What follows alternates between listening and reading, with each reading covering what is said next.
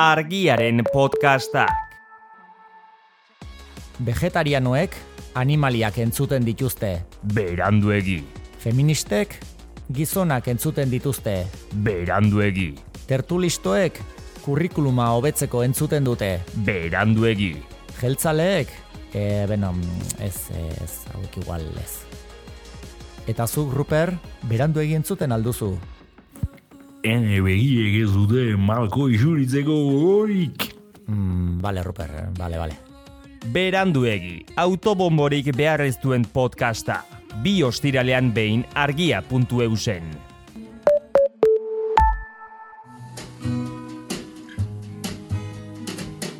Don't know much about history.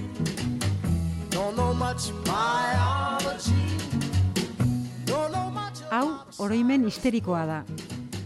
Historia diren istorioek txoratzen gaituztenon podcasta.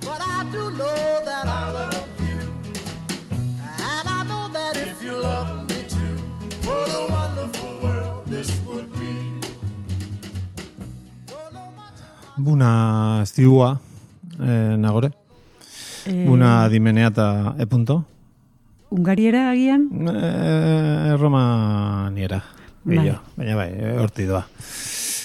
Gaztetan film ezagun bat, bueno, ez dagun samarra egin zuen Manuel Summersek, Todo el mundo es bueno, seguro eski zu, seguro ikusi duzula.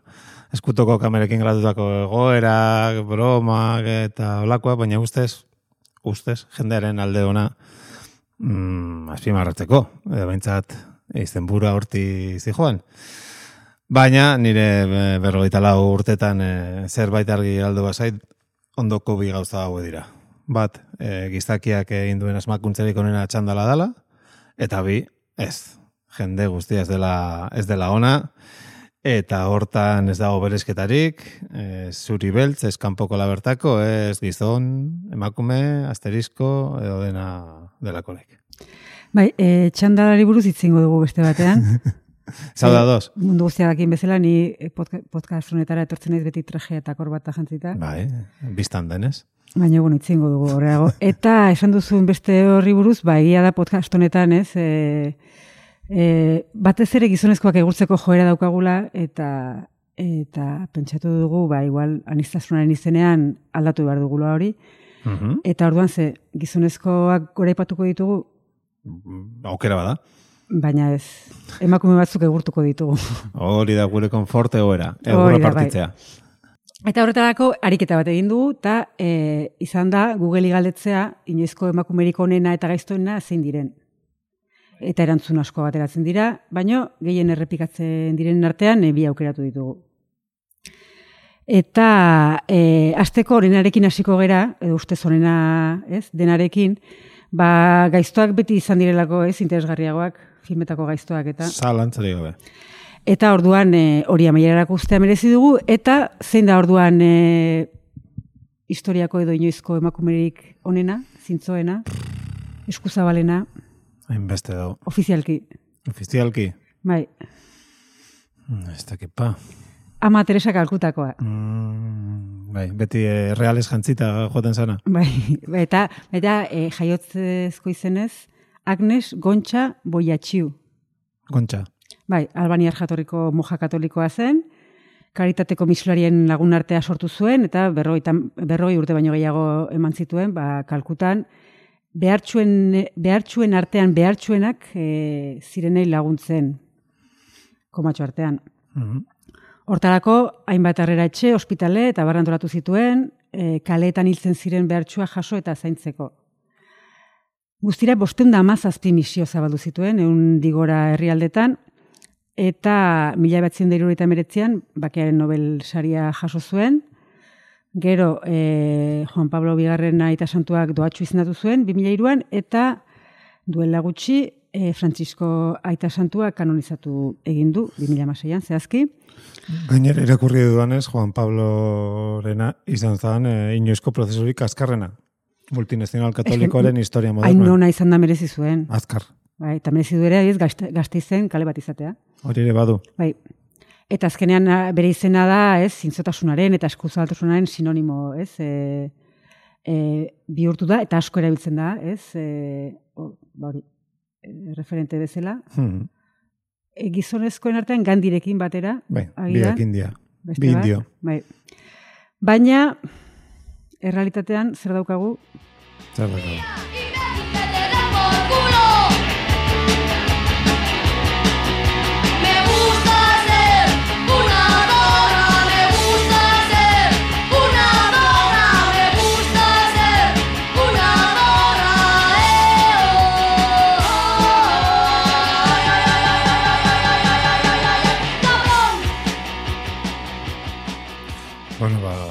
Imaginaziorako tarte askorik utzi gabe, eh, azaldu guzu.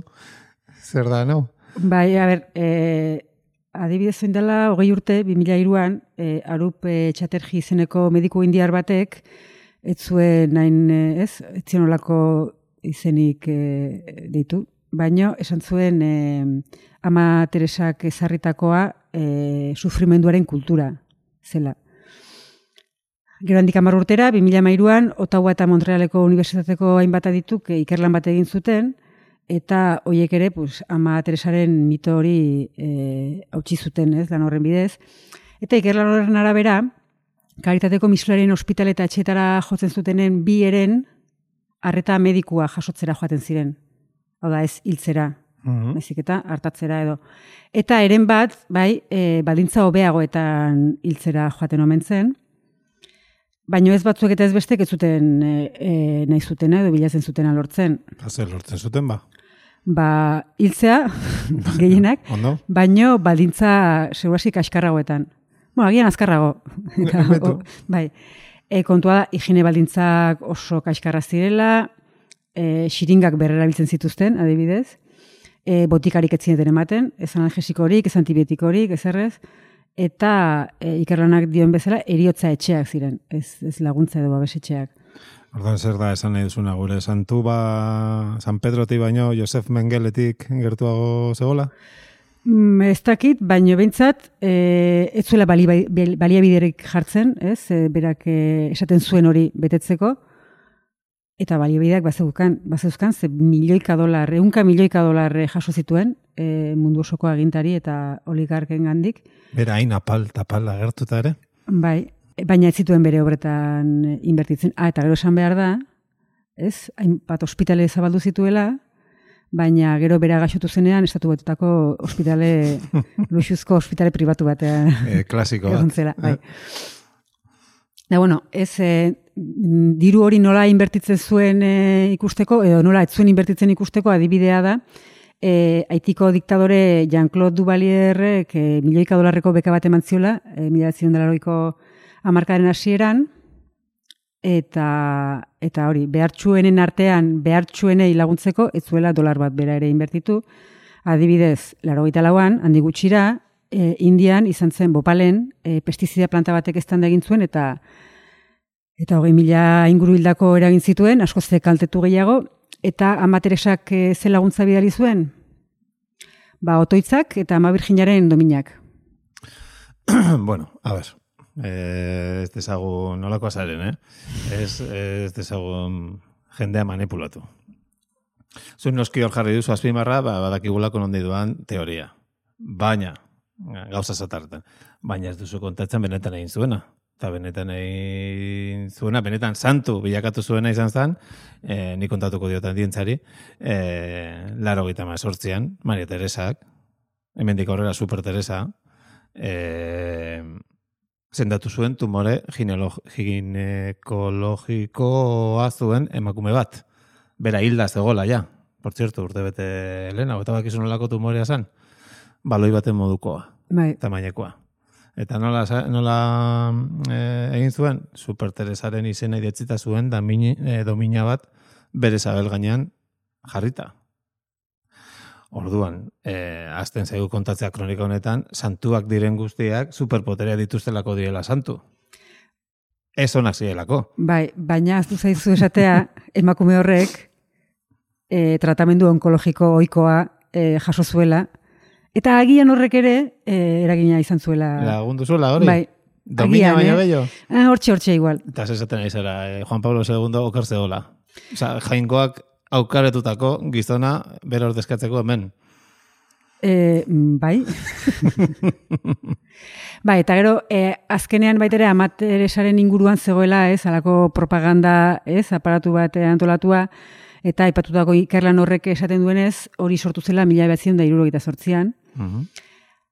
Amateresa e, Malcolm Mugerich BBC-ko kastariarekin bildu zen, Londresen, biak zeukaten ideologia ultraeskuindar, ultrakatolikoa, eta Ultra, Bai, jendea. eta orduan Mugeritzek mila behatzireun da irurogeita beratzean dokumenta, e, dokumental bat egin zuen, ba, amateresa goraipatuz, eta handikan urte oztara, irurogeita maikean, liburu bat ere argitaratu zuen, horren inguruan, eta azkenean horrek e, munduko agintari da beratzen ateak, eta karterak ireki zizkion, gure mojari, eta badakigu ere, bakearen nobesaria eman ziotela mila behatzireun da irurogeita meretzean, eta hitzaldian hause esan zuen. Gaur egun bakearen suntzitzaile nagusia abortua da. Amaren beraren gerra hilketa delako. Etorkizuneko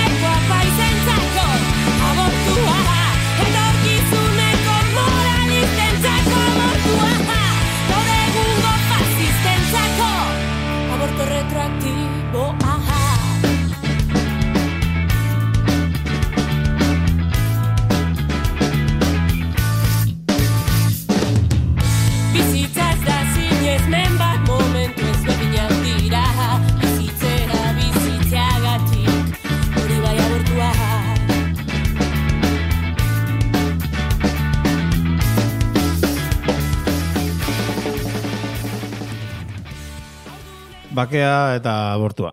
Bai. Eh, eskutik ezin dira, ezin dira jun. Ez, Santu honen arabera. hori da. E, egia esan, e, e, aipatu ditugun ikerlanak bera hil ondorengoak izan ziren. E, hau da, e, zuritik begira ez, entzungo zituen. Baino, e, hil aurretik ere kritikak e, jaso zituen, e, mila behatzen dela horita malauen, e, Christopher Hitchensek, e, eriotzaren, iz, erio, eriotzaren aingerua, izenburu esanguratsua zuen liburua e, atera zuen, eta kritika hoien aurrean e, amateresak ala erantzun zuen. Pobreak beren patua onartzea, onartzen ikusteak badu zerbait ederra. Kristoren pasioak bezala sufritzen dute. Munduak asko irabazten du bere sufrimenduarekin. Alegia, besteen sufrimenduarekin gozatzen zuela, eta eta diru asko ere irabazi zuela. Israelen ere bere omenezko plaza dokaleren bat egongo da, ez? Ez dakit. Ez dakit, baina, bueno, e, genozidioan bat datoz, ez? Biak. Sufrimendoren gora zarre egiten, behintzat. Esaldi hori jartzen diozu, bere argazkia ondoan jarri ordez, ez?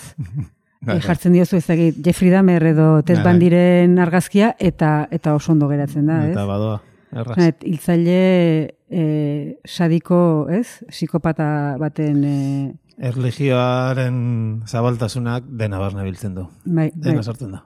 bai. E, baina egia da Vatikanoak ez orduan eta ez orain e, ez duela amateresaren aurkako kritikei buruzko adierazpin, e, adierazpenik egin. Ez esan. Bai, eta nik uste lanpetuak egongo direla ark bildutako milioiak zenbatzen. Bueno, vale, hau dena entzun eta gero, Maria Teresa on eta guaien artean bakarra gelditzen zaigu. Campos. Eta hori Laister. Laister kanonizatu beharko dute. Goian eta eskuinan, oso eskuinan e, beude, biak. Hori da.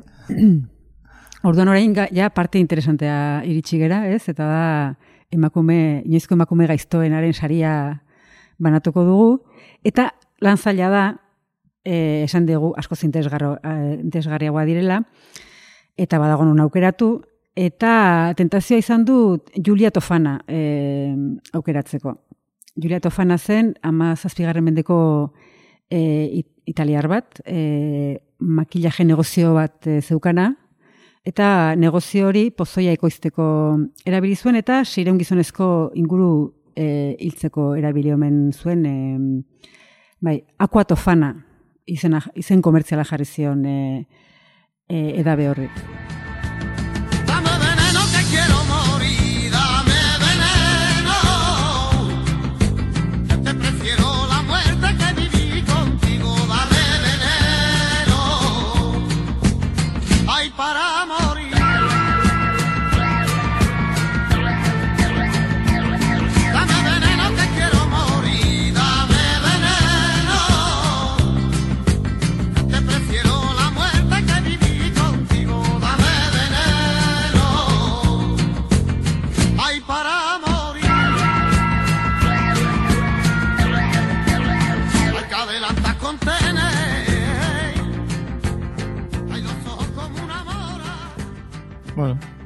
Aqua, aquatofana oso txungito jartzen zuen jendea.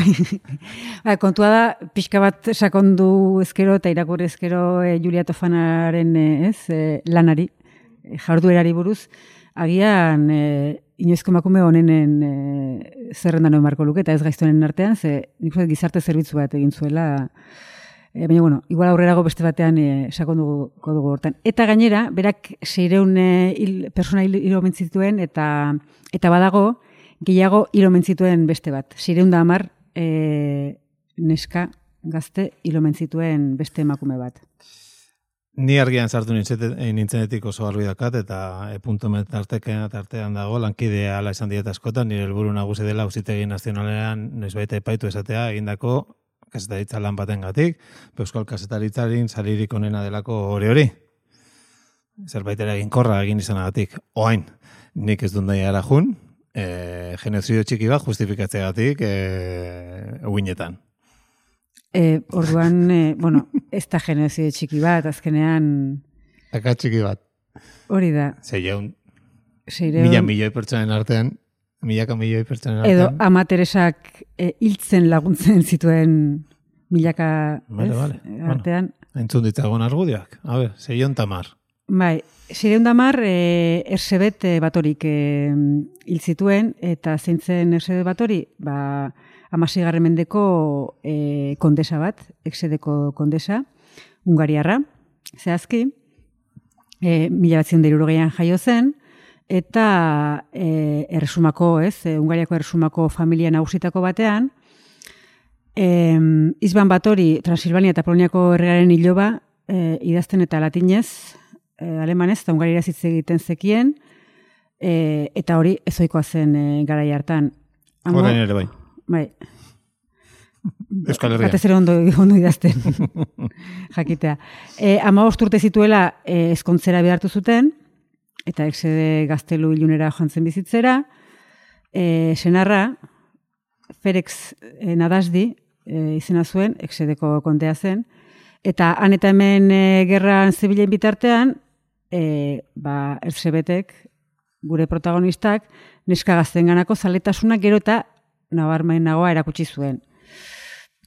Eta berarentzat e, bihurtu zen obsesioa zartzaroa eta eriotza e, e, saiesteak asuntan, ez? Bueno, hori ere oso aktuala da. Bai. E, senarraren eriotza ez zuen saiestu, e, berez osasuna ulekoa zen, eta hileta gero, e, darbulia izeneko atxo aztia lagun zuela, hasi omen zen e, bere ibilbide, Polita. bai, bueno, neko krudela. Mm. Kontua da, gazteluko neskame gazte virginekin e, sexu harremanak izan ostean, torturatu eta hilo, e, hil- hiltzen zituela, edo hiltzen omen zituela. Eta horretarako besteak beste burdinazko dontzela izeneko makina erabiltzen zuen. Zan emakume itxurako metalezko tramankulu bat, nahiko ezaguna dena. Bai. Barruan ez, barra zorrotza zituena, eta neskak barruan sartu eta odolustu egiten zituen. Bai, tortura tresnen klasiko beldurgarri egiteko bat. Azkenean, kondesak uste zuen, bere biktimen odoladean da, edo odeletan bainatuta, ez, bainoak hartuta, ez zela zartuko, betiko biziko zela.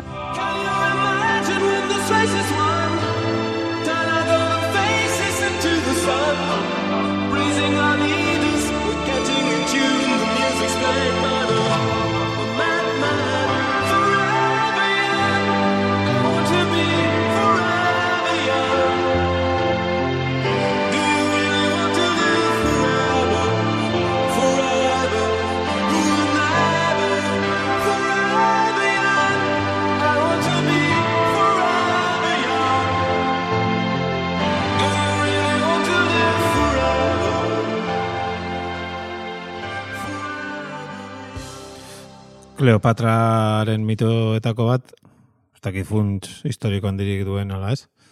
Hori izan ez? Ze sortan bainatzen zen, ez? Esnetan. Esnetan. Bai, bai. Ez dakit funtzionatu zion.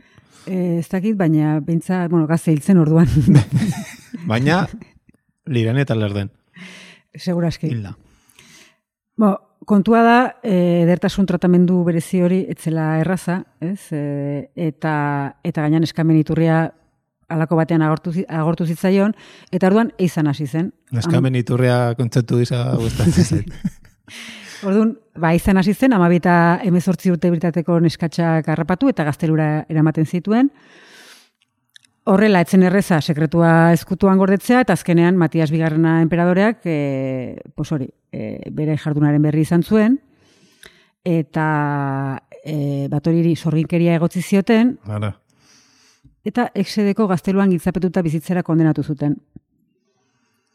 Azalean kremarik eman gabe, eta odolik eman gabe. Mm, ja. Bai, eta epaiketa giri diotenez, eta lehen esan dugun bezala, sireunda amar neska hitzituen guztira. Baitu bortxatu, torturatu, hil, odolustu, eta gero bere odola gozaltzeko erabili. Bai. Eh, dana ondo. Eta handik aurrera, azen, ba hori ez, e, batori izuaren ikono ez, eta emakume kurrudelaren ikono bihurtu zen, liburu mordoa idatzi zen, beldurrezko film batzuk ere bai, e, egin ziren, Diablo bi bideojokoak Oh, ere bera du Mama. protagonista, Zen, baldak zen nire bizitzen zen bat ordu lapurtu di- dizkidan, eh, joko horrek, bai, ordenagailuaren pantailan aurrean egotea beran egatik. Eta nik historia jakin gabe. Ba, Ontsa begira. jakin dut. Baita ere, e, Suedian batori izeneko metal talde bat e, sortu zen, eta Iron Maiden, Mm. azkenean burdinazko dontzela da, inglesez. Eta hortik ere badator? Bai, berak erabiltzen zuen e, makina e, horti dator, ez? Mm. Ze... Batzuk uste dute, e, ba, Ungariako noblezian oso ohikoa zen e, endogamia, eta, eta podcast honetan ere oso ohikoa den endogamiaren eraginez galduzula iparra, ez? E, batorik. Eta esaten dute ere, Vlad Tepes, Vlad Tepes badakizue, Hori, Dracula. Blat bakarra, Bai. munduan. e, haren senide urruna edo, ez? Lingusu txikia edo bazela. Baina gero eta historialari gehiagok eh, uste dutena da e, Etxiri buelta handia, ez? hau mitoa dela. E, azkenean e, herrialdea, ez, erresuma gatazka politikoetan murgilduta zegoen, eta ba, sorginkeria mailezera bizi zuten emakume boteretsuak, Bai, bai. e, pues, baztertzeko, epaitzeko, edo ez, e, sutera eramateko aitzakia moduan. Bai, ze, bueno, e, e, delituen zerrenda ikusita zein zan, gero sorginkeria leporatzea, e, bueno, ez dakit. Ez, be- beste gauza batzu leporatzeko zuzenean ba, bazekaten, eta ez Bai, hori bere horretan. Beraz, eh, nik uste dut, ez dakit, sinestu edo ez, eh, erruduna izan ala ez, azkenean hori, eh, esan dugu, eh, ko- batori kondenatu zutela, eta handik eta hiru urtera hiltzela, mila da malauan, aguztuaren hogeita batean, berrogeita malau urte zituela, eta ziurrenik azala zimurrez josita.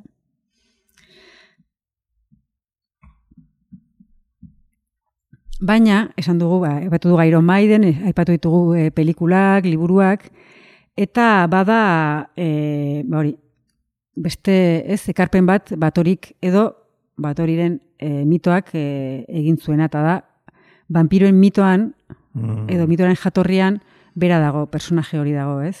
Hombre, kontakizun horretan badu, ez? Odola, odolustu, edan. Bainatu ja, bueno, ez dakit, eh, Drakulak hori egiten dute zuen baina. Bai, bueno, duena podcast batzuk, Frankensteinen jatorriari buruz hitz egiten ari ginela, aipatu genuen eh, John Polidorik, vampiroa izeneko ipuina idatzi Bai. zuela Bram Stokerrek, Dracula idatzi baino, larogei bat urte lehenago. Baina Polidoriren vampiroak ez dauka, ez dauzka Drakularen ezaugarriak, ez? Edo, edo vampiro modernoen, ez? Gero hainbeste film eta liburuetan errepikatuko diren ezaugarri horiek. Eta, baina ezaugarri horiek Bram Stokerrek berak ere ez zituen asmatu. Urte batzu lehenago, mendela orden lehenago edo, Dracula mila zortzion dela horita mazazpikoa da, eta mila zortzion da irurogeita marrean, Joseph Sheridan Lefanu, novela, novelagile irlandarrak, Bram Stoker ere irlandarra zen, Carmila izeneko novela laburra idatzi zuen. E, eta Dracula Vlad Tepesen, ez, oinarrituta dagoen moduan, Beste hau, Carmilak batorik kondesa dauka jatorrian. Vampiroa naiz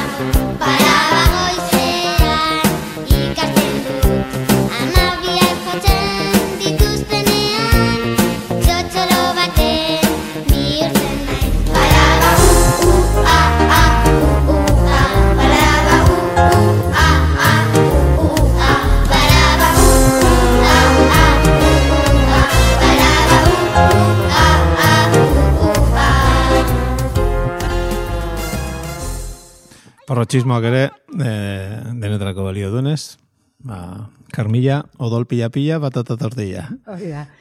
Bueno, kontua da adituak, ez, e, esaten dute, eragina handia izan zuela Karmilak e, Dracula novelan, ez? E, eta lehenengoan agertzen diren elementu asko, bigarrenean errepikatzen direla. Adibidez, emakumezko vampiroaren estetika hori oso, oso berdina da, binovelatan kalkoa ematen du. E, bietan vampiro historiaren figura agertzen da, gero hainbeste ez, e, ba hori, serietan ere agertu dana, Buffy vampiro historia, adibidez. Wow. Bai. Em, eta gaina, vampiro izaren figura hori da, ba hori ez, e, biktimak erreskatatzeaz gain, pues bere jakinduria ez, vampiroi buruzko jakinduria zabaltzen duena. Eta bi nobelak ere, e, lehen personalidazta daude, eta biktimek, ez, Carmilaren kasuan Laura, neska gazteak, e, kontatzen dute gertatutakoa. Eta gainera biak animali bihurtzen dira. Dracula saguzar bihurtzen da, eta Carmila aldiz e, katu beltz bihurtzen da. Zaguzar, katu belt, otxo eta alako animalia ederrekin giztakiak historien induen injustiziaz, noiz bait, itzen barko dugu, ez? Bai. Gauza txar guztien e, ikur. Eta marrazoi buruz. Steven Spielbergek dauka Bai, horren bai. errua. Bai, bai. Sharks. Bai.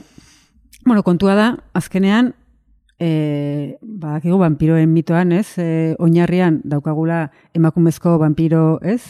Lesbiana bat. Baina, azkenean zegratu da, pues mito hori gizon hetero baten inguruan gorpuztu dela. Hmm. Baina badakigu hori. Horren atzean Carmila dagoela, eta Carmilaren atzean, azkenean, Bat hori. Ustez, inoizko emakumerik gaiztoena.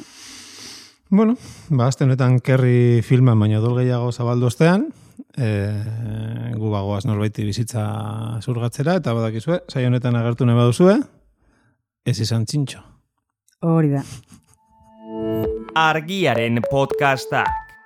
Podcast hau libre eta doan zabaldezakegu argiaren komunitatea osatzen duten milaka lagunek proiektua diruz babesten dutelako. Zuk ere kazetaritza independentea babestu nahi baduzu, egin argiako kide. Argia, txikitik eragiten.